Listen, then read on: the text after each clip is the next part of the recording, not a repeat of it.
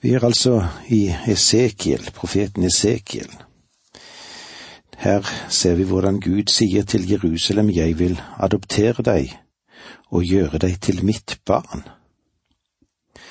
Vi er kommet til det niende verset i kapittel 16, og her leser vi da, jeg vasket deg med vann, skylte av deg ditt blod og salvet deg med olje.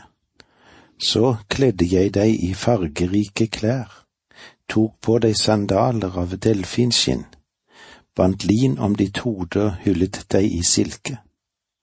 Jeg pyntet deg med smykker, ga deg armbånd om hendene og et kjede om halsen. Han sier, dette gjorde jeg for Jerusalem. Jeg tror at tilpasningen til våre liv er ganske åpenbar. Du og jeg har en temmelig dyster bakgrunn. Adam og Eva og du og jeg ble født i ondskap. David sa, Med synd ble jeg til i mors liv, Salme 51,5. Og David er ikke vesensforskjellig fra deg og meg. Hva har vi å rose oss av, hva har du å rose deg av, og hva har jeg å rose meg av? Selv om du har din bakgrunn i de beste slekter, så er ikke det noe du kan rose deg for. Men vår felles bakgrunn som mennesker er at vi var døde i våre synder og i våre overtredelser. Hva gjorde Gud for Jerusalem? Gud sa til henne, lev. Til oss har han sagt, du må født, bli født på ny. Han har gjort en pakt om at hvis du stoler på Kristus, vil han frelse deg. For så høyt har Gud elsket verden at han ga sin sønn, den enbårne, for at hver den som tror på ham, ikke skal gå fortapt, men ha evig liv. Herren tok dette lille forstøtte barnet, skittent og blodig, og han sa, Jeg har vasket deg med vann. På samme vis kan vi kjenne at han renser oss gjennom gjenfødelse og fornyelse ved Den hellige ånd. Jeg skyldte av deg ditt blod. Den Herre Jesus bar min skyld på korset. Der er det ingen blodskyld på et Guds barn i dag. Og jeg salvet deg med olje. Han salver også sine barn i dag med Den hellige ånds olje. Så kledde jeg deg i fargerike klær. Vi kan bli ikledd Kristi rettferdighet så vi kan bli stående for Guds åsyn. Hva hendte så med denne byen? Gud sier at da hun ble en voksen ung kvinne, så spilte hun rollen som hore. Hun gikk over til avgudsdyrkelse og vendte ryggen til Gud. Må Gud se i nåde til enhver kristen som er villig til å selge seg selv til verden for en rett linser. Ja, Esau solgte sin rett billig men jeg undrer meg på om ikke mange kristne også i dag selger seg svært så billig til verden som de lever i i dag. Så lett det er at vi igjen og igjen viker av fra Gud og fra fellesskap med ham. Må vi søke å være tro mot Gud i den tid som vi lever i. Versene 53 til 55 i kapittel 16 men jeg vil vende lagnaden for Sodoma hennes døtre og for Samaria og hennes døtre, og samtidig vil jeg vende lagnaden for deg. Så skal du bære din vanære og skamme deg over alt du har gjort, således være til trøst for dem. Din søster Sodoma og hennes døtre skal komme i samme stilling som før, likeså Samaria og hennes døtre og med deg og dine døtre skal det også bli som før. Versene 53 og 55 På samme måte som Esekiel 37 er blitt brukt av flere kulter for å undervise læren om alle tings gjenopprettelse. Det vil si at alle til sist vil bli frelst.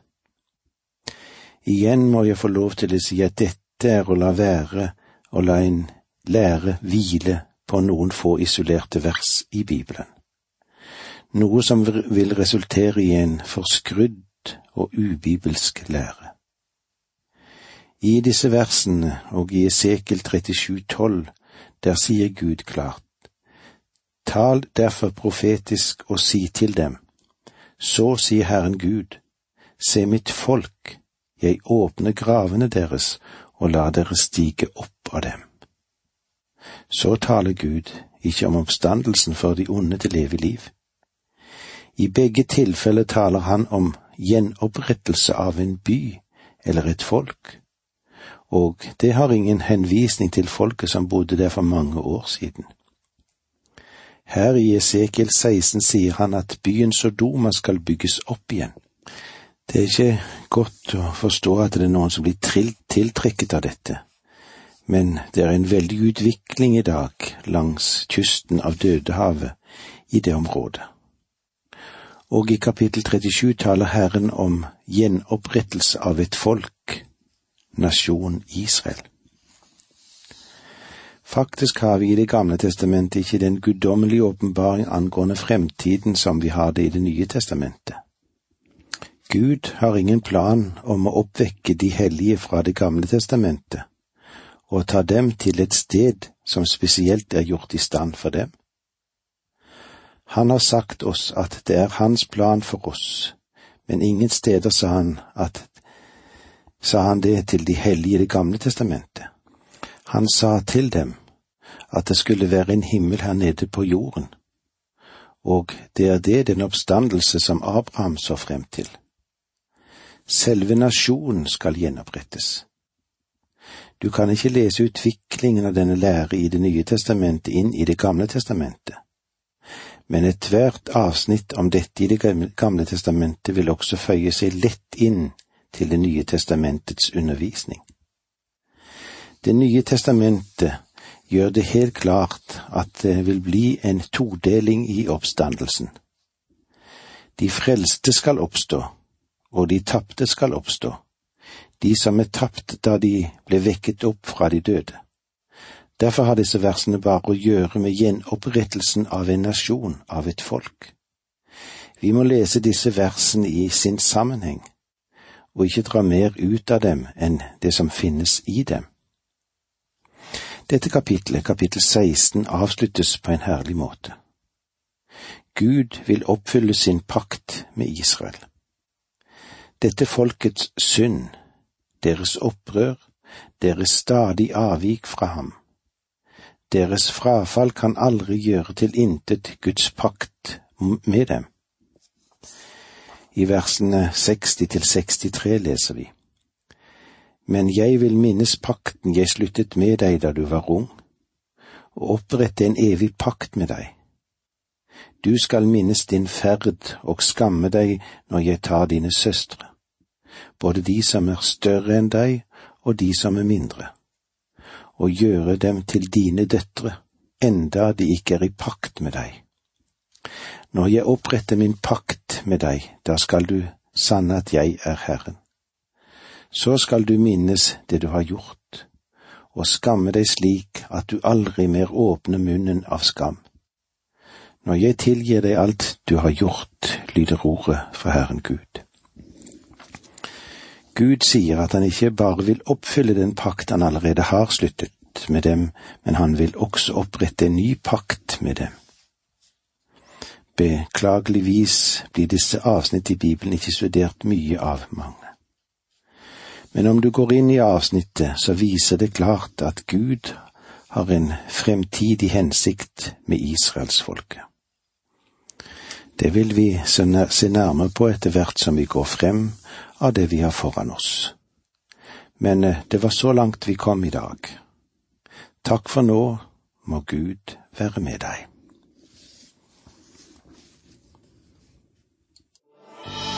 Dette undervisningsprogrammet består av to deler. Åge Nevland fortsetter nå med andre del av dagens undervisning. Vi er i profeten Esekiel. Vi er kommet til det syttende kapittelet der. Og det vi vil se, når vi går videre sammen, nå er gåten med de to ørnene. I de to første versene i dette kapitlet, kapittel 17, leser vi slik.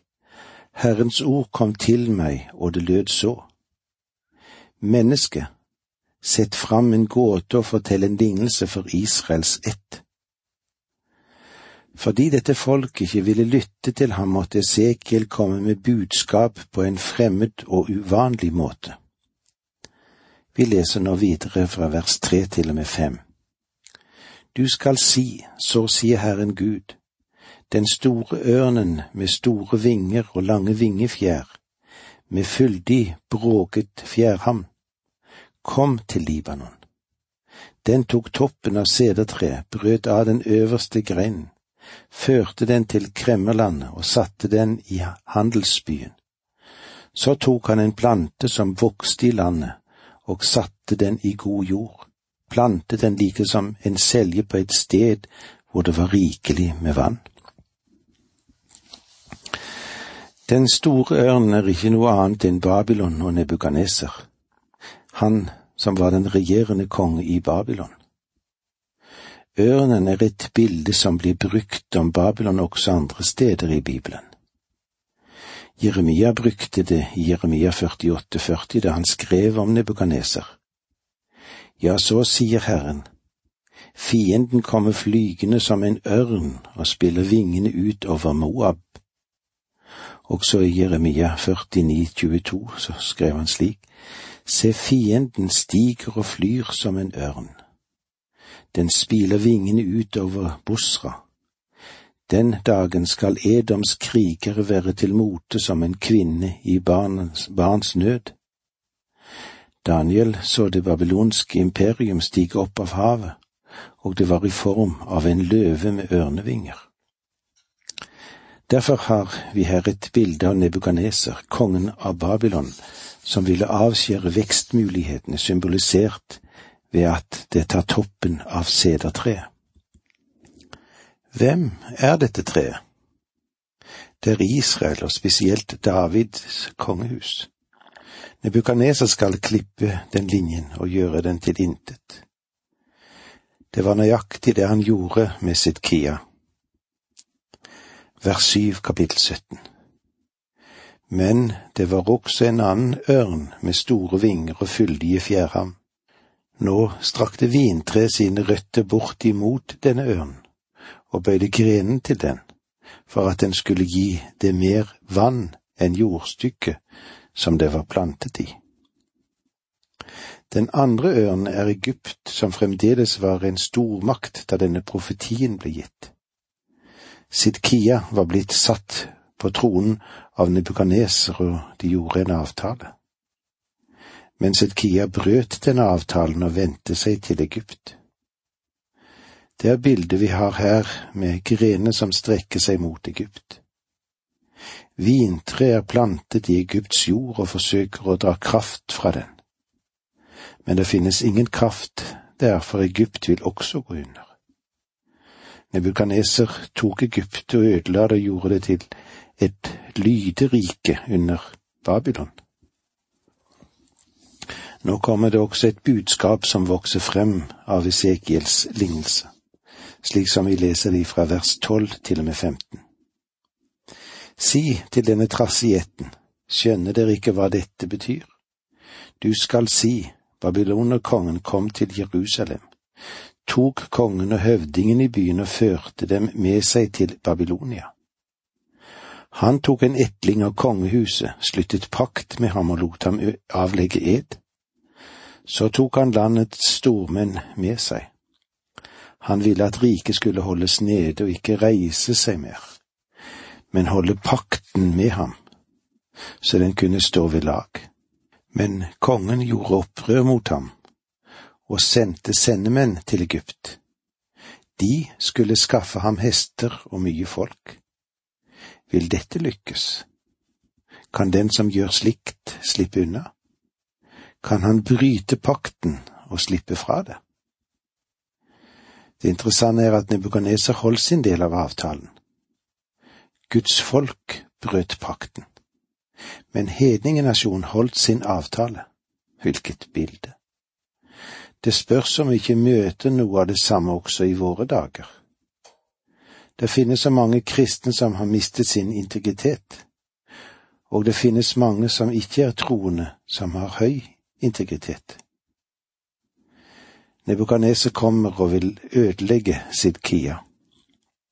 Vers 18 Han ringaktet eden og brøt pakten, og alt dette gjorde han enda han hadde gitt håndslag. Nei, han skal ikke slippe unna. Gud sier, jeg har til hensikt å dømme Sidkia for dette. Jeg fryser med tanke på at jeg selv kan være en kristen som Gud må ta til og gripe fatt i med sterke midler for å tukte og rettlede her nede. Gud vil dømme. Vers 24 Da skal alle trærne på marken sanne at jeg er Herren.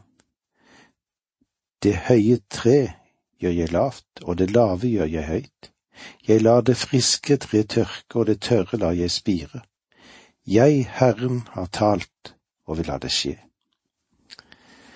Noen ganger tillater Gud at et gudløst folk tukter faktisk og ødelegger en nasjon som påstår at de er Guds folk, men har veket av fra ham.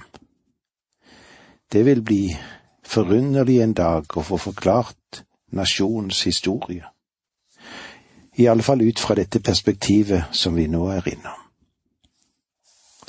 Det var dette som vi hadde med oss i kapittel 17. I kapittel 18 vil Gud vise at i sin dom handler han konkret og personlig. Syndens lønn er døden. Jerusalem er skrekkeksempler på det. Vi er nå kommet til vers, nei, kapittel 18, og vi leser vers 1. Herrens ord kom til meg, og det lød så. Igjen så er det klart at Esekiel ikke fremsetter sine meninger eller synspunkter. Dette er Guds ord. Vers to. Hvordan kan dere bruke dette ordtaket i Israel, fedrene spiste sure druer og barna fikk dårlige tenner? Israel hadde et ordtak som de brukte, og det blir nevnt to ganger av Jeremia. I Jeremia 31,29 leser vi På den tid skal en ikke lenger si fedrene spiste sure druer og barna fikk dårlige tenner. Og så i Klagesangen 5,7 hvor det står Våre fedre syndet, de er borte, men vi bærer straffen for deres skyld. Jeg tror folket hadde bygget dette ordtaket på et uttrykk som vi finner i annen Mosebok. Du skal ikke tilbe dem og ikke dyrke dem, for jeg, Herren din Gud, er en nidkjær Gud. Jeg lar straffen for fedrenes synd komme over barna i tredje og fjerde ledd når de hater meg, som det står i annen Mosebok 25. Men problemet er at det ordtaket de ekstraherte fra dette verset er ukorrekt. Og det er faren ved å løfte frem et vers i Skriften uten å se på sammenhengen. Dette er et falskt ordtak. Fedrene og druene og barna betalte straffen.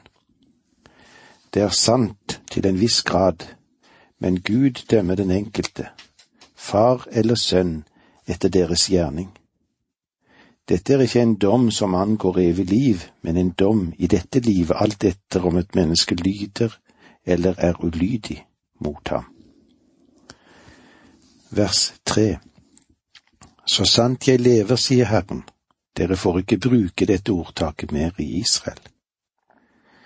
Ordet lever, eller en form av det, forekommer 13 ganger i dette kapitlet, og ordet dø, ja, det dukker opp 14 ganger. Her blir livet og døden presentert. Men det er ikke evig liv eller evig død Gud taler om. Gud taler om måten han vil dømme den enkelte på i dette livet. Og vi må se på hele kapitlet ut ifra den synsvinkelen. Vers fire Jeg er herre over alt liv, både over far og sønn. Den som synder, han skal dø. Gud sier her at alle sjeler tilhører ham. Om fedrenes synder kommer over barna, så er det fordi barna har fulgt sine fedres onde veier. Ethvert menneske skal stå ansvarlig for sin egen synd. Og vi leser i femte Mosebok kapittel 24 vers 16. Fedre skal ikke lide døden for det barna har gjort, og ikke barn for det fedrene har gjort. Enhver skal dø for sin egen synd. Den som synder, han skal dø.